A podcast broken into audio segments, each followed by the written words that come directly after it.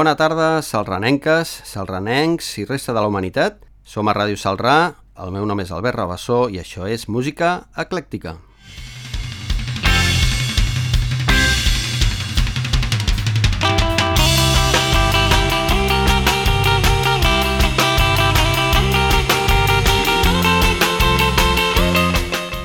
Avui farem el tercer programa dedicat a l'any 1967. Alguns músics famosos nascuts aquell any són Kurt Cobain, de Nirvana, Noel Gallagher, d'Oasis, Enrique Bunbury, dels Héroes del Silencio, Ivan Dando, dels Lemonheads, Billy Corgan, dels Smashing Pumpkins, Sarah Cracknell, de Saint Etienne, Richard Kruspe, de Rammstein, Juliana Hatfield, de Blake Babies, Jeff Tweedy, de Wilco, Harry Connick Jr., Faith Hill, Luke Haynes, dels Outers, el raper Vanilla Ice, el cantant i actor Jamie Foxx i, atenció, Carla Bruni. Mentre aquests embrutaven bolquers, a Austin, Texas, hi havia una banda que estava en plena forma, els 13th Floor Elevators, el grup liderat pel guitarrista i vocalista Rocky Erickson. S'ha de posar en context que parlem d'un dels estats més conservadors dels Estats Units. Recordem que a Dallas van assassinar el president Kennedy. Recordem que és l'estat dels vaquers enriquits, o no, amb el petroli, que van perseguint els fastigosos marietes de cabells llargs, com es pot veure al film Easy Rider. Allà es porta el country, però la British Invasion, amb els Beatles i Stones al capdavant, la bonança econòmica de l'estat texà, que permetia a molts joves adquirir les darreres innovacions en instruments musicals, la influència de la veïna Mèxic i la seva droga per excel·lència, el peyote, sumat a la rebel·lió juvenil, va fer que l'escena musical texana es convertís en una de les més interessants del país. I el grup més destacat en són els Elevators, primera banda en autoanomenar-se psicodèlica, amb Erickson i el lletrista al·lucinat Tommy Hall, que a més tocava instruments casolans com una ampolla de vi que li va donar un so molt característic al grup. El nom té diverses interpretacions, entre elles la de que en molts gratacels dels Estats Units passen del pis 12 al 14, per superstició. Escoltem un tema del seu segon treball, de 1967, Eastern Everywhere, titulat Dust, The 13th Floor Elevators. Dust from your skin must trust when it scatters Only love matters. It's been overjoyed. Scents and perfumes.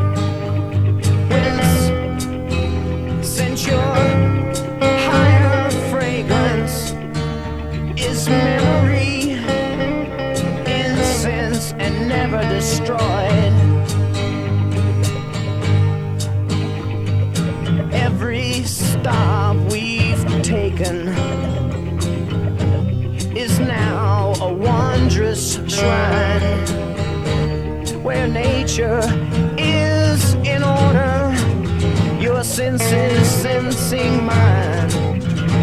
As I love you, all the creatures play. As I love you, now it's safe to say there's no hang up. In our way. The trees in our gaze will show us the love that we bring them. This shouldn't amaze. They openly love all they are, and love's all they are. Gifts to begin, lives, cliffs of expression they suit passion.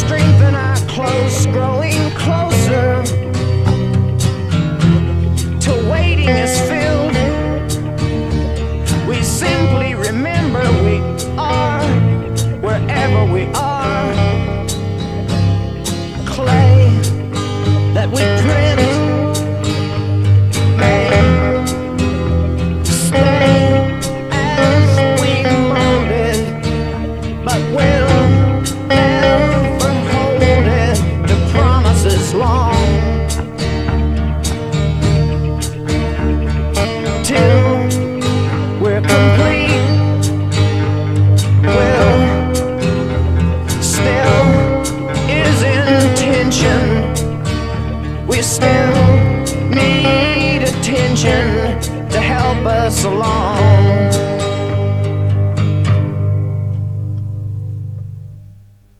I anem cap a França. Allà hi trobem una noia nascuda a Tunis el 1948 i que es diu Jacqueline Tayeb. Es va traslladar a França amb 8 anys i als 12 va començar a composar durant les classes de matemàtiques. O sigui que no estava massa interessada en les mates. El 1967 és descoberta per una caça talents quan es trobava cantant amb uns amics en una platja tunisiana. Aquell mateix any va signar contracte amb una discogràfica, va editar el seu primer single, 7 heures du matin, i va ser escollida artista revelació al primer festival Midem de Canes. Després d'un llarga durada i alguns singles més, es va dedicar a la composició, treballant per a artistes com Yves Montand o Michel Fugain. Una de les seves cançons va esdevenir un dels lemes de la revolta dels gessamins de Tunis de 2011. Escoltem la cançó 7 heures du matin, on la lletra improvisada i parlada explica el que té el cap en aquell moment i anomena els músics que li agraden, com Elvis, Paul McCartney o The Who. Vaja, una mena de rap antic. Escoltem-la, Jacqueline Tayeb.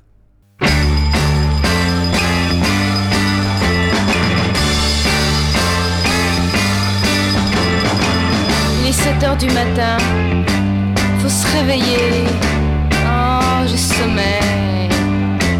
Bon alors, un peu de musique pour se mettre en train. Je sais pas moi, quelque chose comme euh, Talking about my ch- ch- ch- generation. Ouais, c'est pas tout à fait ça. Je trouve plus ma brosse à dents. Quelle passée celle-là encore Euh, La bleue est à mon père, la rouge est à ma mère, la jaune est à mon frère. Avez pas vu ma brosse à dents?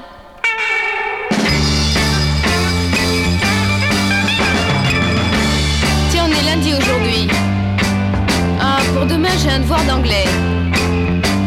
Hmm, J'aimerais bien avoir Paul pour m'aider.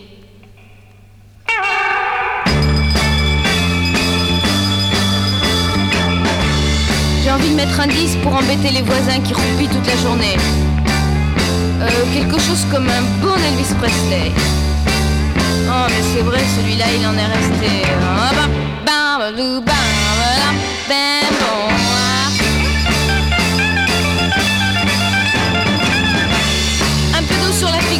Réveiller. Le dodo, c'est terminé. Je suis presque prête et ça va beaucoup mieux.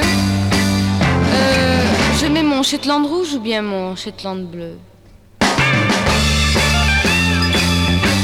Mon Shetland rouge Mon Shetland bleu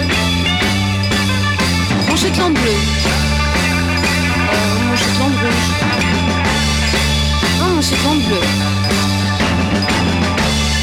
Shetland rouge Le bleu mon. Mon rouge.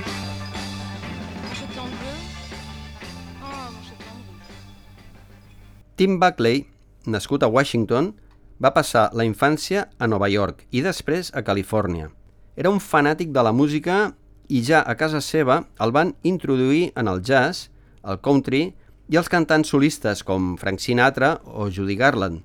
A l'institut va conèixer el que seria el seu lletrista Larry Beckett i també el baixista Jim Fielder. Descobert pel bateria dels Mothers of Invention, el mànager dels quals el va fitxar, va debutar el 1966 amb un disc folk i el 1967 va editar l'àlbum Goodbye and Hello, més influenciat per la psicodèlia i els Sgt. Peppers, i on s'hi poden escoltar instruments com la calimba, el vibràfon, l'harmònium, les congues, i on la seva veu comença a destacar, arribant a les 3 octaves i mitja, i que després va ser superada pel seu fill Jeff.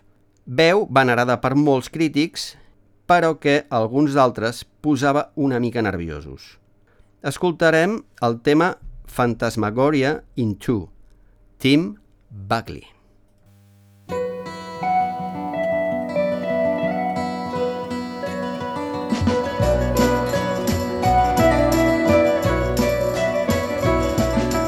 Fiddler played you a song, my love,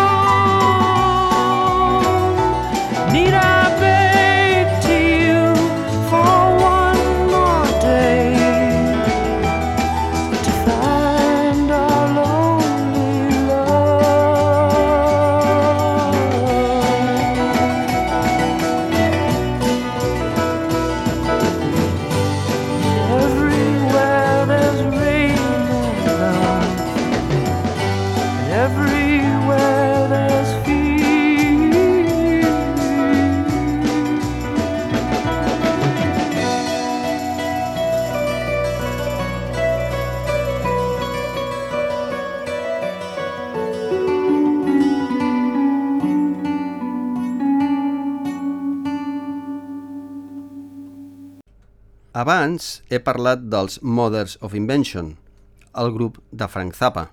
Des del seu primer treball, Freak Out, de 1966, fins al seu darrer, de 1993, any en què va morir, va publicar 62 àlbums. Si li sumem els 37 editats pòstumament per la Zappa Family Trust, que s'encarrega del seu llegat, sumen 99. Això només pot ser fruit d'una ment molt activa. Compositor, guitarrista excel·lent, cantant, productor... A més, va dissenyar cobertes d'àlbums i dirigir films i videoclips. Musicalment, és difícilment catalogable. Des del seu primer treball de l'any 66, disc doble, la seva obra combina el rock amb improvisacions, els sons experimentals, el rhythm and blues, el jazz, el doo-wop, la música d'avantguarda, l'underground i la música clàssica contemporània.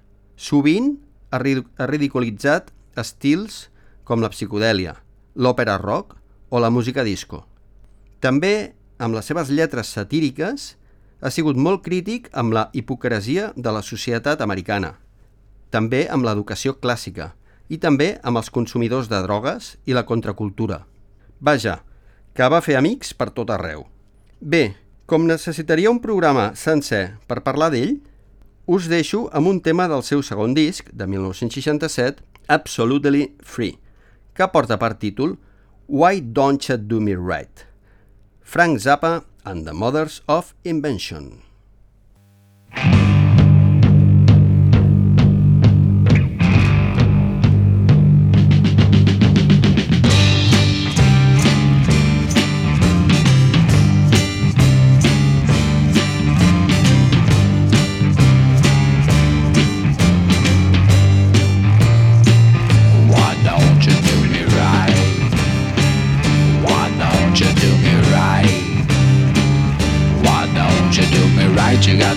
Why don't you do me right? You got me begging on my knees. You got me begging on my knees. You got me begging on my knees, saying, baby, please come back to me. I know You're trying to wreck my life. I know you're trying to wreck my life. I know you're trying life, and all I wanted was a wife. I know you're trying to wreck my life. Now what you trying to do? Now what you trying to do? Now what you trying to do? I've been true to you. Now what you trying to do?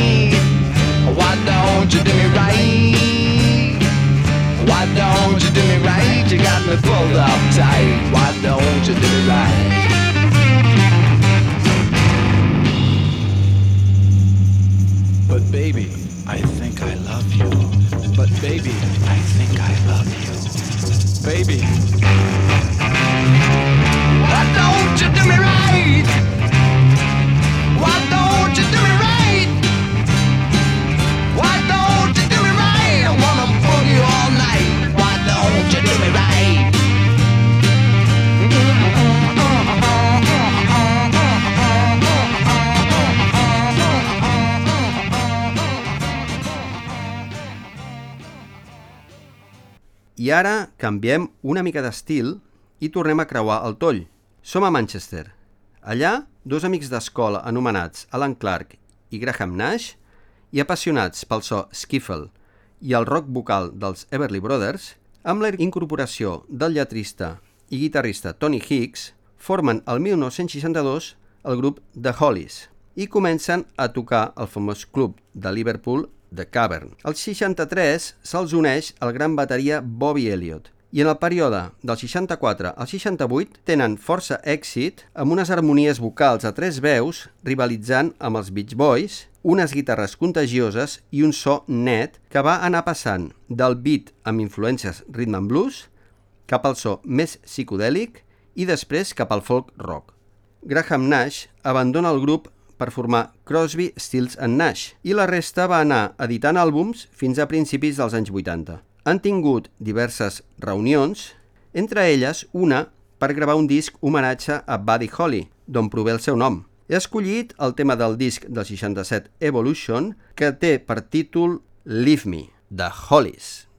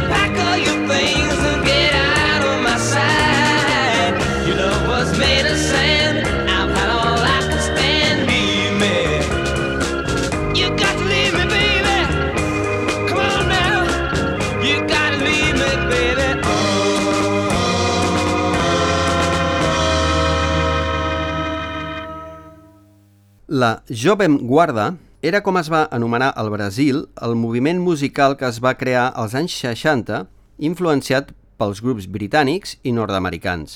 Els pioners van ser Roberto Carlos, Erasmo Carlos i Vanderlea. Van contribuir a començar a trencar una societat molt tradicional i fortament controlada per la religió catòlica. Van sorgir multitud de cantants i grups amb diferents estils. Pop rock amb Os Increíveis, Vanusa, Eduardo Araújo o els Golden Boys, rock garatger amb Ronnie Bond, The Bubbles, Os Baobás, rock psicodèlic amb Os Mutantes, Novos Baianos, Os Caníbais, l'anomenat samba rock amb Jorge Benjor, Trio Mocotó o Wilson Simonal, la segona generació de bossa nova, amb Edu Lobo, Chico Buarque o Quarteto MC, també apareix el moviment tropicalista o tropicàlia, corrent rupturista i intel·lectual d'esquerres, que abraçava arts plàstiques, cinema, música i la cultura en general. I sobresurten noms com Caetano Veloso, Maria Betània, Gilberto Gil, Gal Costa, Rogerio Duprat o els mateixos Os Mutantes. Anem a escoltar un tema del 1967, és clar, titulat Garota Teimosa, del grup Os Caníbais.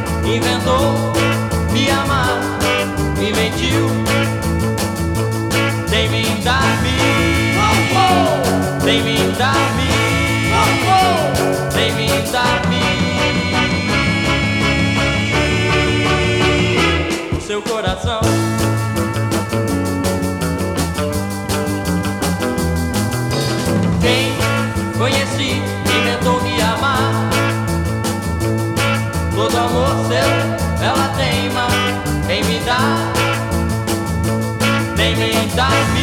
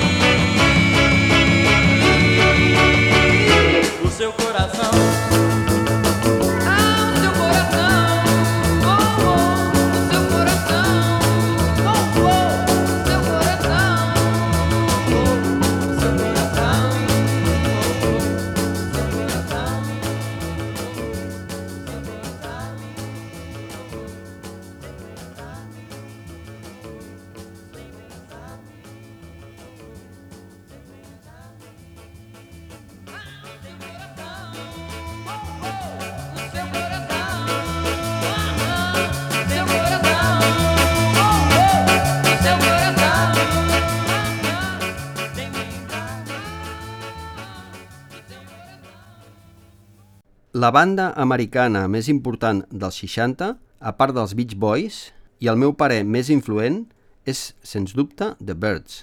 Formats el 1964 a Los Angeles per Roger McGuinn, Gene Clark, David Crosby, Michael Clark i Chris Hillman, són pioners del folk rock, però també del rock psicodèlic, del raga rock, o rock amb influència hindú, i del country rock.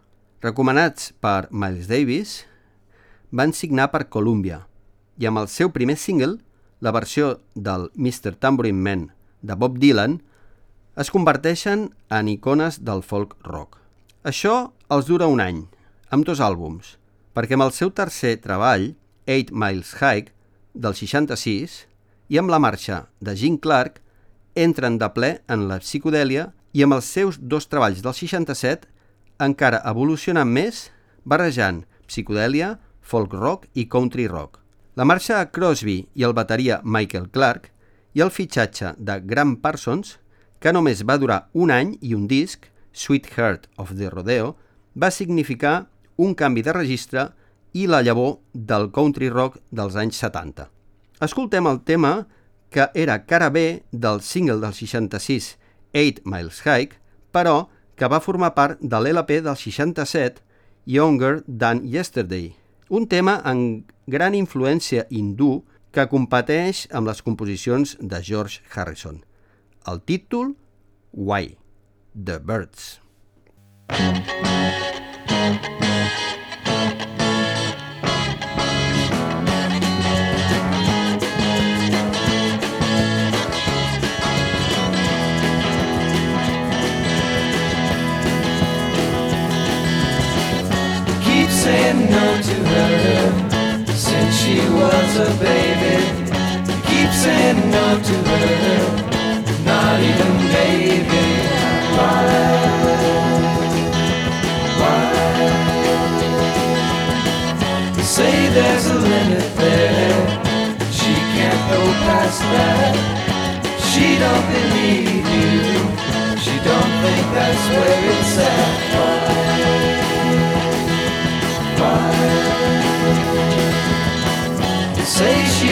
change that. It's the way you've always done it. She don't care about that. She thinks you've just begun it.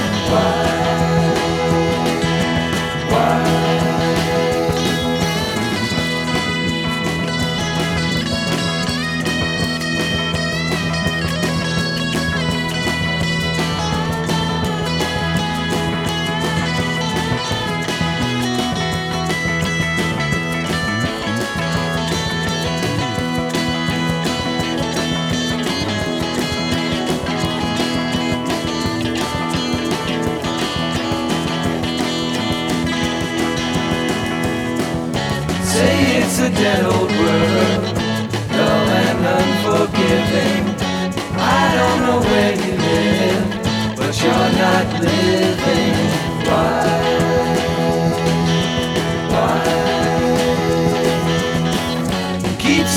Saying no to her since she was a baby. You keep saying no to her,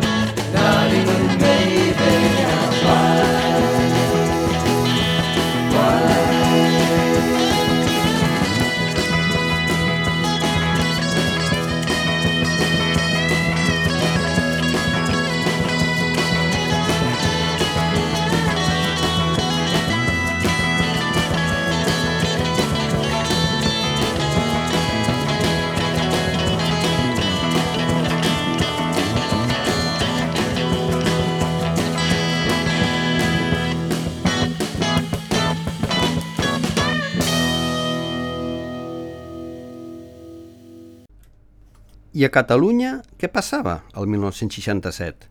Doncs que hi manaven els de sempre, o sigui, els avis dels d'ara, que havien imposat el castellà com a única llengua, però en un atac de generositat van permetre l'ús del català per distreure el personal.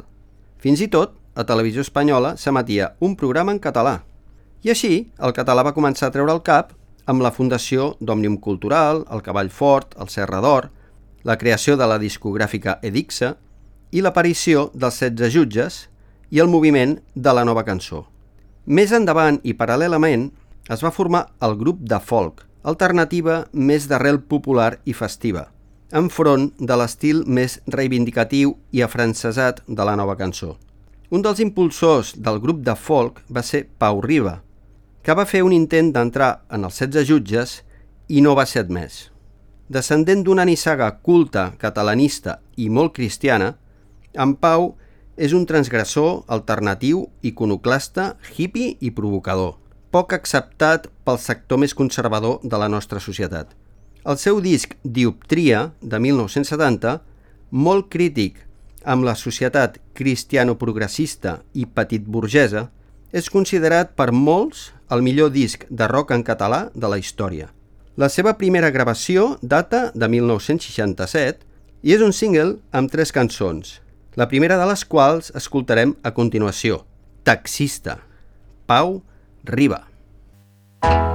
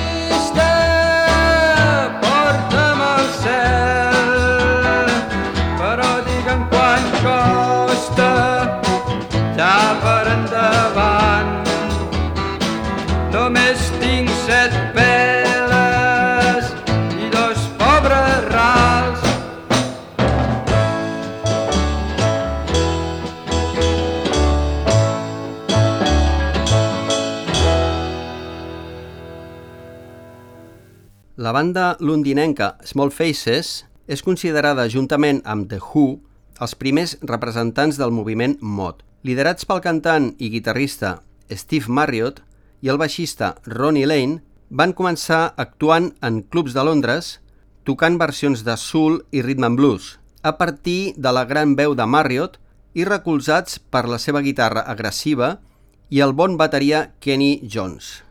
Van aconseguir un directe realment molt bo. En el seu primer concert fora de Londres, concretament en un antre d'obrers de Sheffield, van ser expulsats a la tercera cançó, ja que el públic estava composat majoritàriament per Teddy Boys, que no encaixava per res amb l'estètica i la música del grup, encara com en van sortir vius. Llavors van entrar a tocar en un club mod que era a prop i on van causar gran sensació. El 1967, fitxats pel mànager dels Stones, Andrew Oldham, van deixar més de banda el directe i van posar-se a treballar molt més a l'estudi de gravació. D'aquí en van sortir els seus millors treballs, Small Faces i, sobretot, Ogden's Nut Gone Flake, de 1968, àlbum conceptual i molt psicodèlic, però que només van aconseguir tocar una vegada en directe i que d'alguna manera va propiciar la seva dissolució. Marriott va formar la banda Humble Pie i la resta es va unir a Rod Stewart i Ron Wood i van formar The Faces. Escoltarem el tema del 1967 Ichiku Park, Small Faces.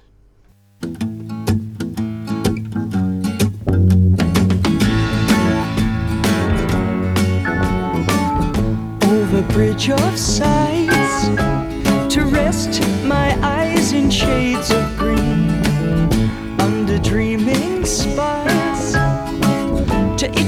Park that's where I've been. What did you do there? I got high. What did you feel there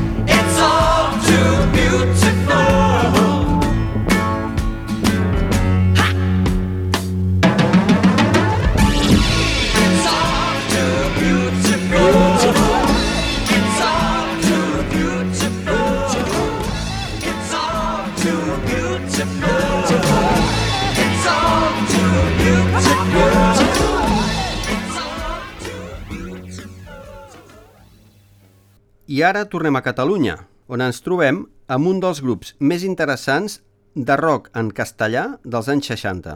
Parlo de Los Salvajes.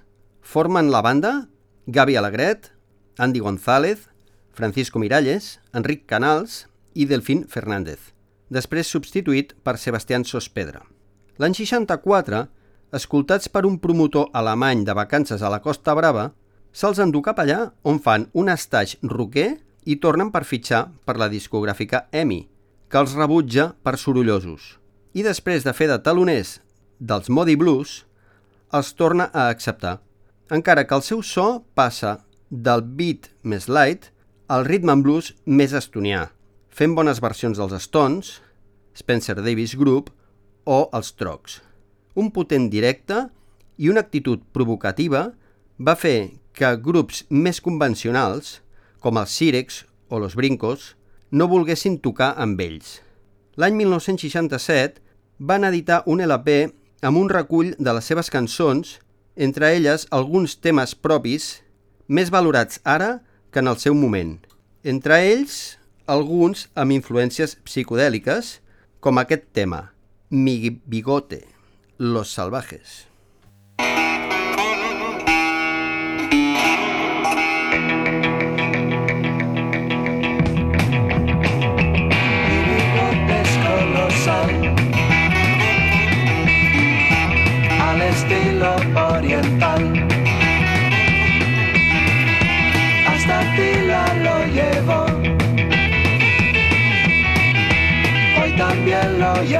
Yo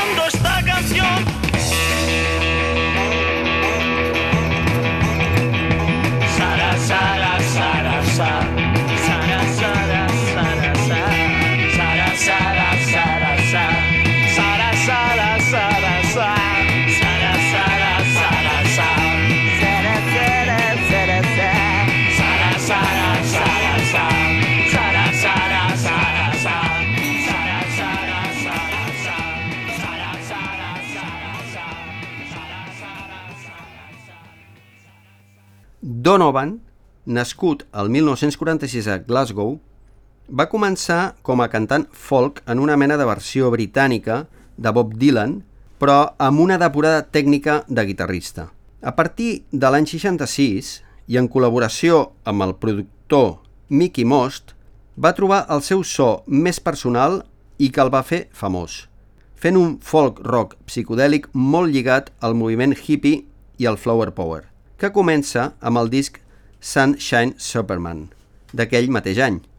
El 67 edita Mellow Yellow i també A Gift from a Flower to a Garden, un dels primers dobles LPs de la història, i viatja a la Índia amb els Beatles, on ensenya la tècnica del finger picking amb la guitarra a Lennon i Harrison. El 68 edita l'exitós The Hardy-Gurdy Man i el seu disc més hindú, Barabajagal. Ha anat editant àlbums de més o menys qualitat, cal destacar el doble per a nens HMS Donovan, el de l'any 93 Sutras i el de 2004 Beat Café, homenatge als beatniks.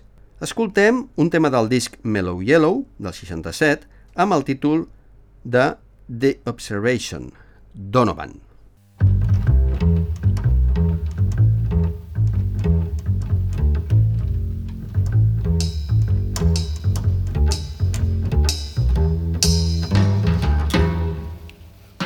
The sidewalk, the people are hustling and bustling.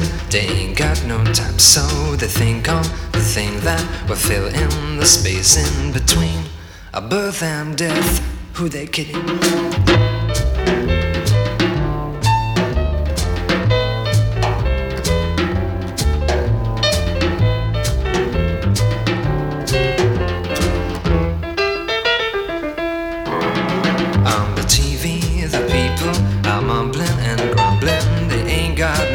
So they give out the news that the world's got the blues.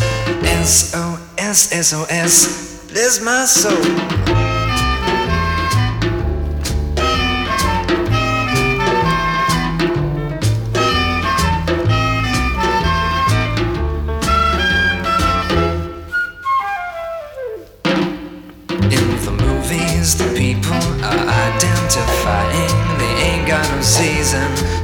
For no reason. So they by on the great community line.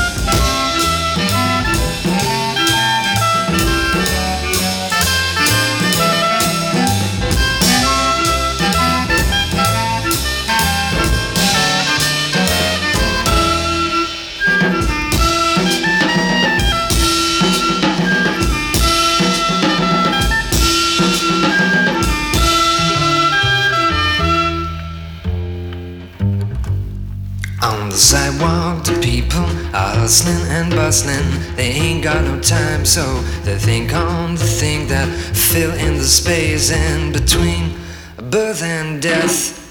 Who they kidding? Who they kidding?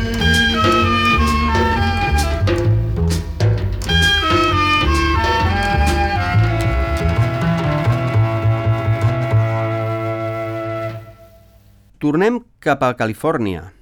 L'any 1967, un grup buscava nom per a un single que anaven a editar. Partint d'una cançó dels Beatles i un soroll de rellotge que algú d'ells va notar en aquell moment, va sorgir el nom del grup, Strawberry Alarm Clock. La cara B d'aquell single contenia el tema Incense and Peppermints, que va arribar al número 1 de les llistes americanes. Al voltant d'aquell tema van editar el seu primer àlbum, combinació de rock psicodèlic, pop alegre, garatge rock i harmonies molt californianes, sobretot amb la incorporació d'instruments com la flauta, la guitarra de 12 cordes, els bongos o el vibràfon. Van editar tres àlbums més fins al 1969 i es van separar. Per la banda hi van passar fins a 14 músics en 3 anys. El guitarrista Ed King més endavant va esdevenir baixista del grup de rock sureny Lynyrd Skynyrd. Escoltem el tema Incense and Peppermints, Strawberry Alarm Clock.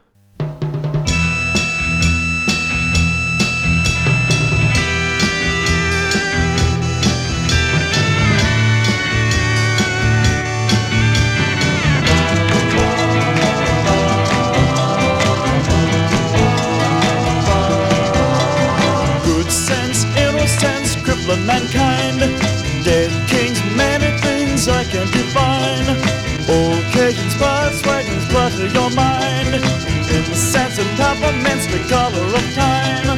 Who cares what games we choose? Little to win, but nothing to lose. In the sense of peppermints, meaningless nouns. Turn on, tune in, turn your eyes around. Look at yourself, look at yourself.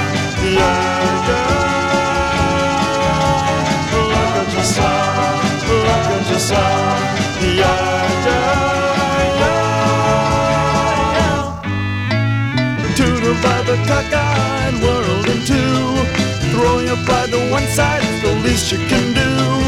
Beatniks and politics, nothing is new. A yardstick for lunatics,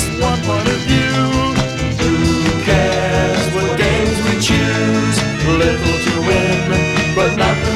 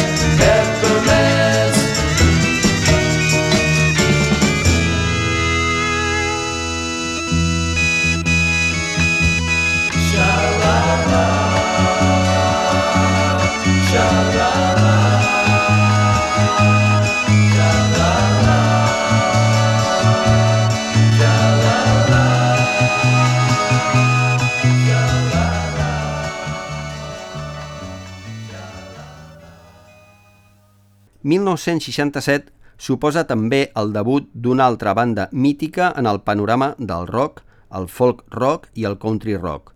Parlo de The Grateful Dead, formats a Palo Alto, Califòrnia, per Jerry Garcia, guitarra i banjo, conegut per la seva gran capacitat per improvisar amb la guitarra i amb una forta influència del country i el bluegrass. Bob Weir, guitarra rítmica provenent del folk, Phil Lesh, baixista que provenia de la música clàssica, ja que era trompetista de formació, Ron McKernan, organista i harmònica gran amant del blues, i Bill Kreutzmann, bateria molt influït pel jazz bebop. Més endavant van incloure una segona bateria. Van començar en l'època psicodèlica, però el seu estil anava molt més enllà, amb llargues improvisacions i jams instrumentals, on hi cabia pop, rock, blues, folk i country. No hi havia un cantant oficial, sinó que tots els membres posaven la veu. Van editar 22 discos des de 1967 fins a 1990 i es van dissoldre el 1995 amb la mort de Jerry Garcia. Els seus fans, els Deadheads, són coneguts per ser dels més devots del món del rock, assistint regularment a tots els seus concerts i, amb permís del grup, de gravar i compartir les gravacions. És ben conegut el sofisticat sistema de so que es van fer dissenyar per als seus concerts, anomenat Mur de So. Escoltem el tema New New Minglewood Blues del primer àlbum que porta el nom del grup, The Grateful Dead. Fins al proper programa. Thank